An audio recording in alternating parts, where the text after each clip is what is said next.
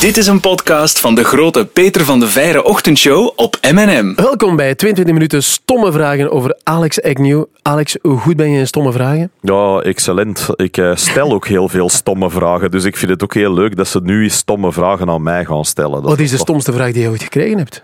Ah, die ik ooit gekregen heb. Ehm, ik kan mij dit zelfs nog levendig herinneren, maar dat is nog niet zo lang geleden. Ik moest een try-out spelen in Limburg. Ik stond eh, te plassen in het openbare toilet van het etablissement waar het optreden ging doorgaan. Er kwam een man naast mij staan en die vroeg aan mij, is het al begonnen?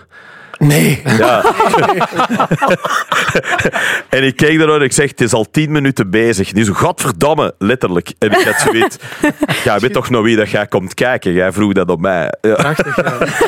ja. Puur toeval dat het in Limburg was. Puur toeval. ja toevallig, toevallig. Peter, Koutar en Wanne stellen 22 minuten stomme vragen over Alex Agnew. Als de 22 minuten voorbij zijn, stoppen de vragen.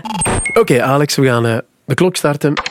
Stomme vraag. Eh, Alex Agnew, maar waarom wil je nu precies op de wei van Werchter gaan optreden? Ehm, te weinig knuffels gekregen van mijn papa. eh, te groot ego. Ik wil, ik wil testen hoe ver tegen de zon dat kan vliegen voordat mijn vleugels smelten. Ja. Eh, ik weet het niet. Een soort doodsdrang. Het feit dat ik altijd iets moet doen in mijn leven waar ik mij helemaal over kapot stresseer, omdat ik Wat dan is het gevoel heb dat is ik leef. stress bij jou? Jawel, zeker. Eh, optreden niet eigenlijk. Heel vaak niet meer. Ik doe dat ook al zo lang. Ik heb ook al zoveel gedaan dat dat eh, toch de, de angst die ik had als ik op een podium ging staan, heb ik nu niet meer. Nee. Maar ehm, dat is nog wel een ander niveau. Ook omdat er zoveel eh, elementen zijn die je niet onder controle hebt daar. Hè. Het weer, hoe mensen gaan zijn. eh, ze kunnen rondlopen, ze kunnen gaan zitten, ze kunnen drinken, ze kunnen alles. Dat is eigenlijk de meest niet-ideale omstandigheid voor comedy ooit. En toch heb ik het gevoel dat dat moet kunnen. Dus dan denk ik ja, en dat is een uitdaging. Het was eigenlijk vooral toen, dat, toen dat, eh, Herman Schuurmans eh, dat ook voorstelde. Van, dat is misschien een idee. En Het was dat van ik- de baas van Werchter. ja, het kwam eigenlijk, mijn manager en mijn baas zijn aan de praat, en, en hem, hè, en, Mhm. en Herman zijn aan de praat geraakt. Mijn baas, ik ben een baas. Maar, ehm wat zie ik hier nu?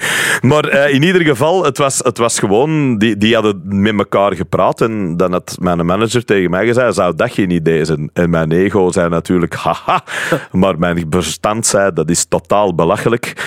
Dat ga ik compleet niet doen. En toen ik had gezegd dat ik het niet ging doen, heeft Herman Schuurmans mij wel benaderd en gezegd, jij moet dat doen. Oh, En toen zei hij natuurlijk de, de, de woorden waar je mij altijd mee hebt. Eh eerste in de geschiedenis, nog nooit gebeurd. eh, eenmalig, zal ook nooit niet meer. Bla bla bla. Ja, als ik dat hoor, dan zegt mijn ego: we gaan dat doen. Ja. En dan zegt mijn verstand tien minuten daarna: jij idioot. Hoeveel groter kan het nog, denk je? Ehm, goh, ik denk dat ik dan echt wel heel absurd ga moeten doen. Ik weet het niet. Dan ga ik zo moeten zeggen: ik speel Brussel. Maar zo. maar zo ik weet het niet. Waar ook driekwart van de mensen niet gaan verstaan wat ik zeg. Maar dat is niet erg. Eh, zo, universele komiek. Ik zend er voor iedereen. het zou mooi zijn, ja. Dan doe ik het in het Engels. Wat ga ja, je eigenlijk doen Ah, met die ja. mensen daar? Wat voor show gaat dat worden? dat gaat gewoon mijn comedy show worden. Dus ik heb dat ook in het Sportpaleis gedaan. Ik weet dat ik die vragen toen kreeg van eh, gaat er een, een orkest bij komen? Gaan er allerlei mensen eh, gastoptredens, noem het allemaal maar op. Maar dat is dus ook niet. Hè. Ze kregen ook in het Sportpaleis gewoon twee uur mei. Ja. En dat is ook wat ze daar gaan krijgen. Maar dat is natuurlijk ook een hele dag. Dus ehm, ik kan nog niet aankondigen wie er staat, maar er gaan wel bands komen spelen. Het zijn ook allemaal bands ehm, die mij wat eh, na aan het hart liggen of mensen die ik graag zie. Reggie. Ja, tuurlijk, uiteraard. Allee, je hebt het al geraden, godverdomme. Zou dat Eh, een goeie zijn? Ja, dat is eigenlijk ook nog wel waar. Zo. Dat is wel grappig. Ik Jij- had er- ik als had- jij een song zou maken met Reggie. Oh, Jesus koop. Christ. Ja, wie weet. Ja. Zit Geef me nog- geef me zit nog- ogen geef me nog- flikkeren. Geef me nog even tijd, hè, man. Ik word nu 50 en wij zijn ongeveer even Ja, oud, ja, zeker, ja, hè, ja, Peter? Dus, eh, dus ja, eh, we moeten een andere bladzijde omslaan, hè, man, in ons leven. Ja, hè. ja. Want jij, jij gaat ook een, eh, ja, een groot sportpaleis-ding doen. Jij neemt de eigenlijk een bedoeling. beetje afscheid van radio. Ja. Wat zit even. jij eigenlijk van plan? Het is mijn podcast, niet de nieuwe. Oh, sorry. Wel, dan kom je maar bij mij zitten bij Welcome to the EE en dan kom je dat maar uitleggen. Voilà, daar. Stomme vraag, Alex. Zeg nu, wanneer wist je van jezelf, ik ben grappig? Goh, vrij snel, omdat ik in de, in de, in de kleuterklas had ik al een moment meegemaakt dat ik eh, een paar meisjes zo hard had laten lachen dat de melk er door hun neus... En dan had ik al een gevoel van, ik heb hier precies wel wat aanleg voor. Ik was ook spectaculair onpopulair bij vrouwen. Maar het enige waar ik wel goed in was, was die laten lachen. En ik had altijd wel het gevoel, als je ze kunt laten lachen, wie weet, vinden ze u dan ook op andere vlakken nog leuk. Ehm, en dan ben ik eigenlijk... Goh, daar heb ik mijn allereerste betaalde optreden. was echt dat ik acht jaar of zo was, denk ik. En dat was zo'n familiefeest. Oh. En ik heb het toen keihard uitgehangen, maar zo hard dat iedereen strijk lag. En mijn onkel is mij toen 100 frank komen geven, Nee. Belgische franken nog. En die zei toen tegen mij, hier manneke, dat is omdat we zo hard met u gelachen hebben. En ik beschouw dat nog altijd als, aha, that was my first paid gig. Ja, ja. Dus, eh, dus ja, het zat er eigenlijk al wel van redelijk jong in. Ik blijf Dat wel achter er met, met zo het beeld van verzuurde meisjesneusgaten vol melk in de kleuterklas. Ja, sorry. Maar wel goed gedaan, zeg. Ja. Wat, eh, wat heb je eigenlijk gestudeerd, Alex? Ehm, van alles en nog wat en niks afgemaakt. Dus dat is ook heel belangrijk dat ik dat er wel bij, bij vermeld. Maar ik zal even een kleine greep doen uit wat ik allemaal gedaan heb. Ik heb eh, vertaler, tolk, Engels, Nederlands, Duits gestudeerd. Ik heb Germaanse filologie gedaan. Ik heb communicatiemanagement, pers en voorlichting gedaan. Ik heb eh, ga, man, eh, lerarenopleiding Amai. Engels, Nederlands, geschiedenis. Oh, van alles en nog wat. En dat waren allemaal mijn sterke vakken en het kon mij nog niet interesseren. Het was eh, vreselijk. Ik, ik, eh, ik aarde niet in een, in een schoolsysteem. Absoluut niet. Wat mij ook nog eens enorm hard opviel toen ik eh, voor, voor Erik Goens dat programma heb gemaakt van later als ik groot ben, zo, dan, dan moest ik terug naar school. Ja. Ja. En ik kreeg zo'n examen van de lagere school waar ik ook zo jammerlijk op gebuist ben. Maar echt, mijn, mijn dochter heeft datzelfde examen afgelegd. Dat stond online, je kon dat doen. En die had 85 en die mij er weken mee uitgelachen. Had zoiets, papa, jij bent achterlijk. Ik, ik had zoiets, ja, op veel vlakken wel, kind, maar op sommige vlakken niet. Zeg maar, als je zoveel verschillende dingen hebt gestudeerd, wat wou je dan eigenlijk worden? Eh, comedian. Maar eh, dat was ik natuurlijk aan het, aan het vermijden als de pest. Want ik was... ehm, Je wou dat ook echt, echt. Op mijn elf jaar, toen ik eh, Eddie Murphy zag met Delirious. Ik zag dat en ik dacht, dat wil ik zijn. Ehm, dan heb ik jarenlang mijn uiterste best gedaan om er zo hard als mogelijk van weg te lopen, door allerlei dingen te gaan doen. Ja, ik ben ook opgevoed in een, een vrij eh, traditioneel ouderwetser gezin. Daarmee wil ik zeggen, mijn vader was eh, universitair gediplomeerd, hij was een ingenieur. En voor hem was vooral een diploma het belangrijkste dat er was. Haal een diploma en dan komt de rest wel goed. Terwijl school voor mij was een leidersweg van dag één tot de dag dat ik daar buiten ben gestapt, getrapt en nog andere dingen. En eh, ja, ik, ik bleef dat eigenlijk maar uitstellen tot op het moment dat ik die lerarenopleiding ben gaan doen. En er was ook een, een dramales bij. Ja. En die dramaleraar die zei toen tegen mij wel de zin dat alles heeft veranderd. Die zei, Alex, wil je eigenlijk lesgeven aan mensen of wil je een publiek? En ik zeg, ja, eigenlijk een publiek. En die zo, daar was ik al redelijk zeker van. Jij moet iets gaan doen als studio Herman Terlink of zo, maar jij moet echt hier niet zitten. En die was zo duidelijk daarin, dat dat voor mij ook zo was. Oh ja, natuurlijk. Wat, wat ben ik hier aan het doen? Dan heb ik auditie gedaan voor Terlink. En dat was dan, daar was ik niet door. Ik mocht een week meedoen. Maar dat niet door zijn was ook mee een voorwaarde. Want die kwamen ook naar mij en die zeiden... Man, jij bent een comedian. Jij kunt hier niks komen doen. Jij moet een podium op. Ja. En dat was voor mij natuurlijk weer vreselijk, want ik had gerekend op vier jaar opleiding. Ben ik safe? Kan ik wel eens uitzoeken wat dat, dat allemaal is? Ja. En je krijgt na een week... Ja, jij bent eh, spectaculair getalenteerd, maar wij kunnen hier niks mee u doen, want jij zegt al wat dat jij zegt. En, En- ben je dan meteen begonnen? Dan ben ik gewoon eh, beginnen meedoen met... Je had zo'n soort... ehm, eh, hoe heette dat? Een soort free podium. Dat was in Café de Seine, dat niet meer bestaat. Dat is nu Café Charleroi in Antwerpen, op het Zuid, al, Ja, ja, ja, al het, Charleroi, ja. museum. Hè? Het Museum voor Schone Kunsten. En dat was vroeger Café de Seine en die deden ene keer per maand de Sprekende Ezels. Dat was een open podium voor eh, eh, poetry, slam poetry, muziek, zo alles door elkaar. En ik was de comedian. Ik kwam daar aan en ik zei, ja, mag ik ook iets doen? Ja, wat doe jij? Comedy. En degene die dat presenteerde was trouwens Stijn Franke, die daarna de stadsdichter van Antwerpen ook geworden is. Er zat een hoop talent in dat ploegje. Zo, en ik was dan die ene dat zei, ja, ik ga dat doen en we zullen wel zien. En ik denk dat ik twee of drie keer al had opgetreden op allemaal van die beetje privé door vrienden gelegenheden, Ja. die dat dan allemaal zo wat half goed waren, maar ook niet. Maar toen had ik eigenlijk al de beslissing gepakt van, eh, en dat is vrij snel klaarblijkelijk, heb ik mij door veel andere collega's eh, laten vertellen, dat ik niet meer ging vertellen wat ik dacht dat mensen leuk gingen vinden, maar wat mij interesseert. Ja. En dat is eigenlijk de beste beslissing die ik ooit heb gepakt, want heel vaak als je enorm persoonlijk gaat, dan zit je ook waanzinnig universeel, want je bent helemaal niet zo origineel als dat je denkt. Hè. De meeste mensen voelen of ervaren ook wat dat jij voelt. Ja. Dus, en dat was, ja, ik kwam toen dat eh, podium op, ik weet dat nog. Ik denk dat ik een week niet geslapen had.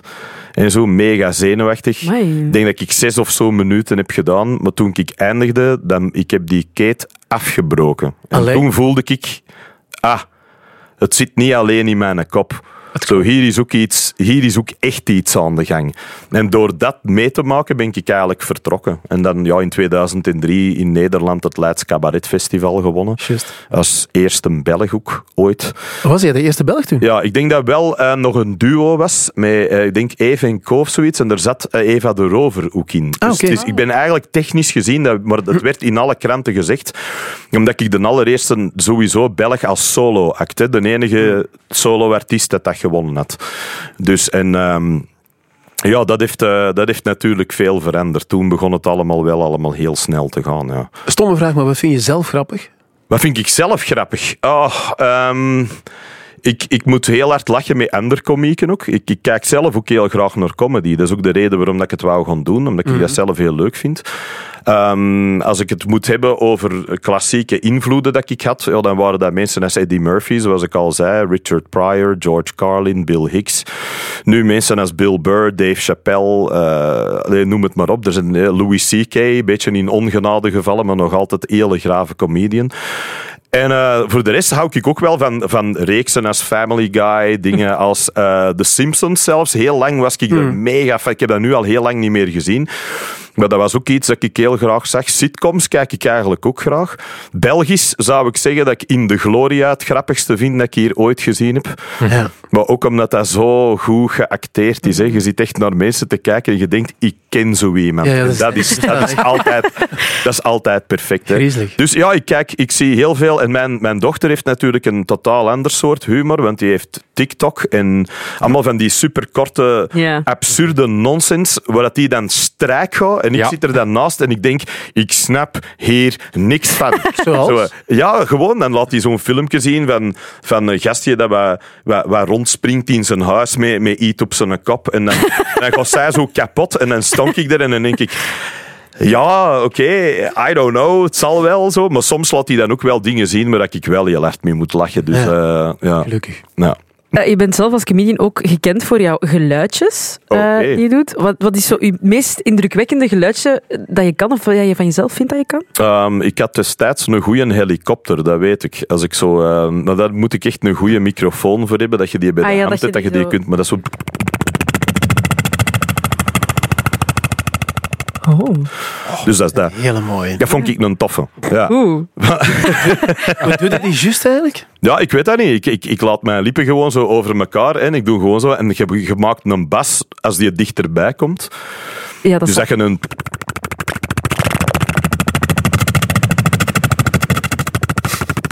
Dat, dat is het eigenlijk. Maar als je die deed door een micro en dat klonk in een, in een zaal, ja, Ja. mensen werden zot. Hè. Die hadden zoiets wow, er zit er een echte. Hè. Maar dat is totale flauwekul. Maar het is wel funny, dat, dat, die geluidjes die blijven mij voor eeuwig Ja. achtervolgen. Ja, dat dachten we. Want dat is iets dat ik eh, gedaan heb, vooral in mijn eerste show. En af en toe doe ik dat nog, maar dan doe, ik doe dat altijd zo illustratief bij een grap. Ja, Maar zo in het begin van mijn, eh, van mijn eerste show zaten er veel van die ja zo muggen en zo, dat weet ik ook nog, Ja. toch? Een mug? Ja, zie. Zo dat, hè. en de- ja, ik heb zo gewoon een aantal dingen dat ik kan doen. Dat ik gewoon hoor en ik denk, oh ja, ik kan dat. Dat is heel raar, want je kunt niet uitleggen waarom dat, dat is. Nee, nee. Of zo, datzelfde gelijk de eerste keer dat ik Gollum hoorde en dat ik wist van... Nou, Steve, veel, veel, het. Zo die, die tweede stem die erbij zit, je, je voelt dat je die kunt. Ik kan niet uitleggen waarom dat, dat is. Dus, dus ik dacht van, oh ja, hè, zo dat. En ik deed dat dan zo om een ozel te doen met mijn vrienden nadat we buiten kwamen. En dan keek ik, Stupid fat hobbit. en ja, dus weet, Jezus, hoe doe je dat? En dan was bij mij, oh, dat is goed, dat moet ik gebruiken, zo, daar moet ik iets mee doen. Dus ja, zo sommige van die dingen voel ik dan wel van, dat kan ik. Ik ben geen ja, ja, Guga Baul of zo, die is freaky, hè. dat is zo iemand waar je van denkt, dat is, dat is een sample machine of zo. Je doet zijn mond open. Maar ik heb wel zo'n paar imitaties waar ik van denk, oh, die zijn redelijk oké. Of er kun je wel, wel uithalen wie, dat, Ja. ik, wie dat ik nadoe. Dat sowieso wel. Ah, je hè. kan mensen ook.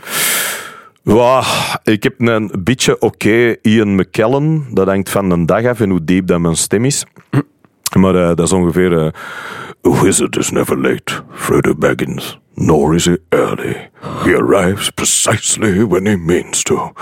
Je moet zo dat... hè. Oh. Dat, hè, zo, je, hebt, je hebt een paar dingen dat je, dat je kunt. Als je dat hoort en je denkt, oh, ça va. Ja. Maar ik heb nooit... Bij een Arnold Schwarzenegger bijvoorbeeld is geen goeie. Dat is gewoon... Je moet gewoon een paar dingen doen waar dat hij voor bekend staat.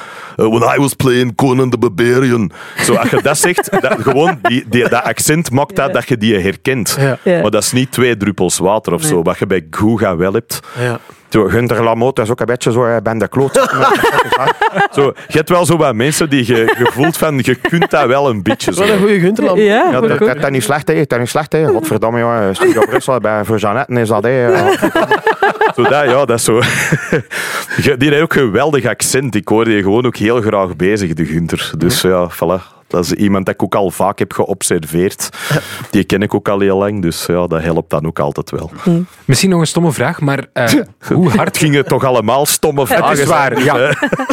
hoe hard gebruik jij jouw comedy in je dagelijks leven? Ah, dat is een goede vraag. Eh, heel vaak niet, moet ik zeggen. Wat, wat dat vooral bij mij is, is ik eh, verwerk heel veel door comedy te maken. Dus ik eh, absorbeer enorm veel rondom mij, merk ik wel. Ook al onbewust soms. Dat je soms doorhebt van, je hebt dat allemaal opgemerkt, maar ook niet eens bewust.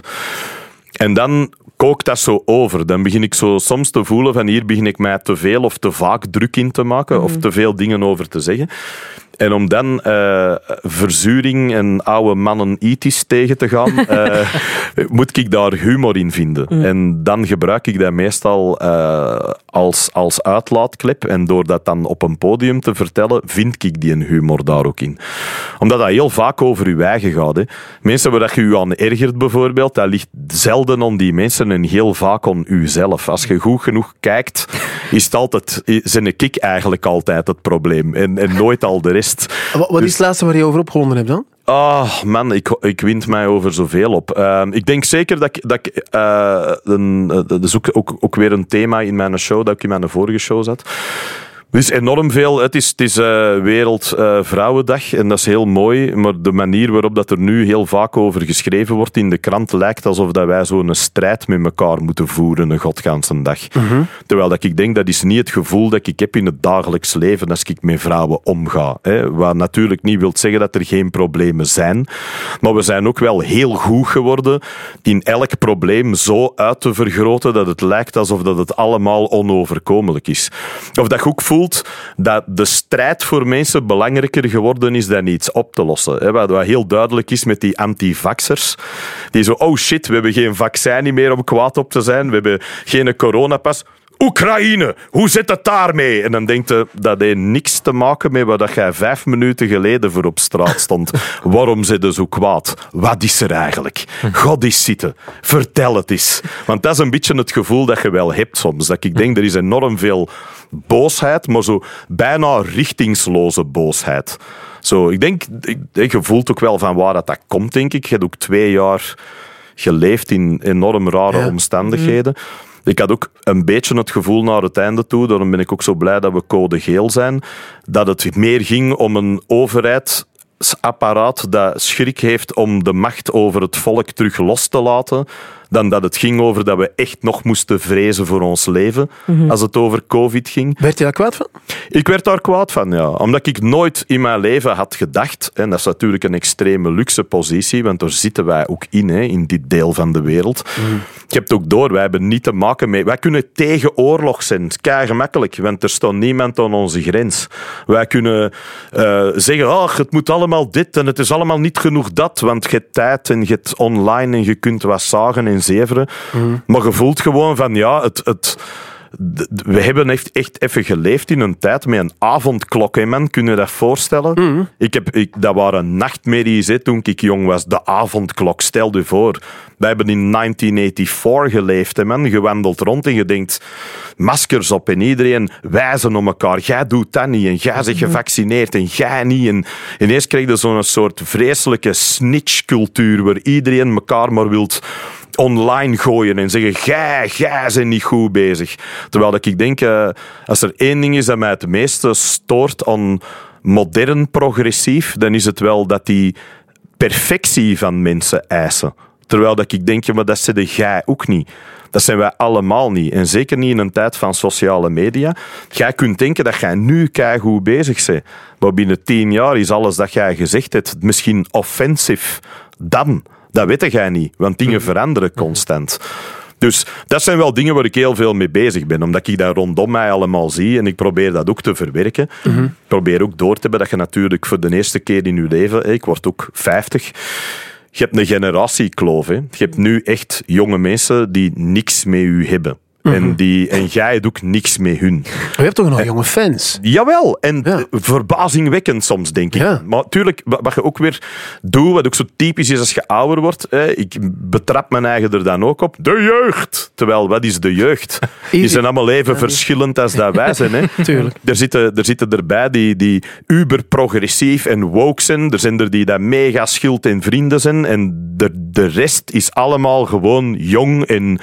We willen feesten en poepen en, ah, en we mogen niks en we kunnen niks. En ik had het ook enorm hard te doen met jonge mensen Ja. in heel die periode. Omdat ik dacht, Jesus Christ, dat je nu een student bent. Of je bent nu die gast, zo laatste jaren middelbaar, begin, begin twintig, en je moet zo uw wilde, zotte jaren. En dit zijn ze dan?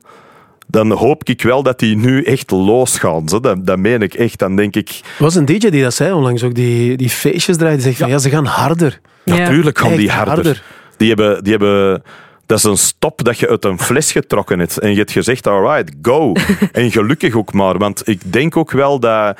Hoe meer frustratie is dat je opkropt, hoe erger dat het wordt. Dat is toch bij iedereen gewoon zo. Ja, ja. Ik denk dat iedereen een klein beetje...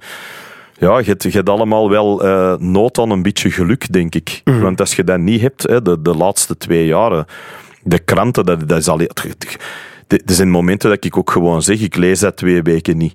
Want ik kan dat niet meer aan, man. Ik kan niet nog... wa- wa- wa- waar moet ik nog kwaad over zijn?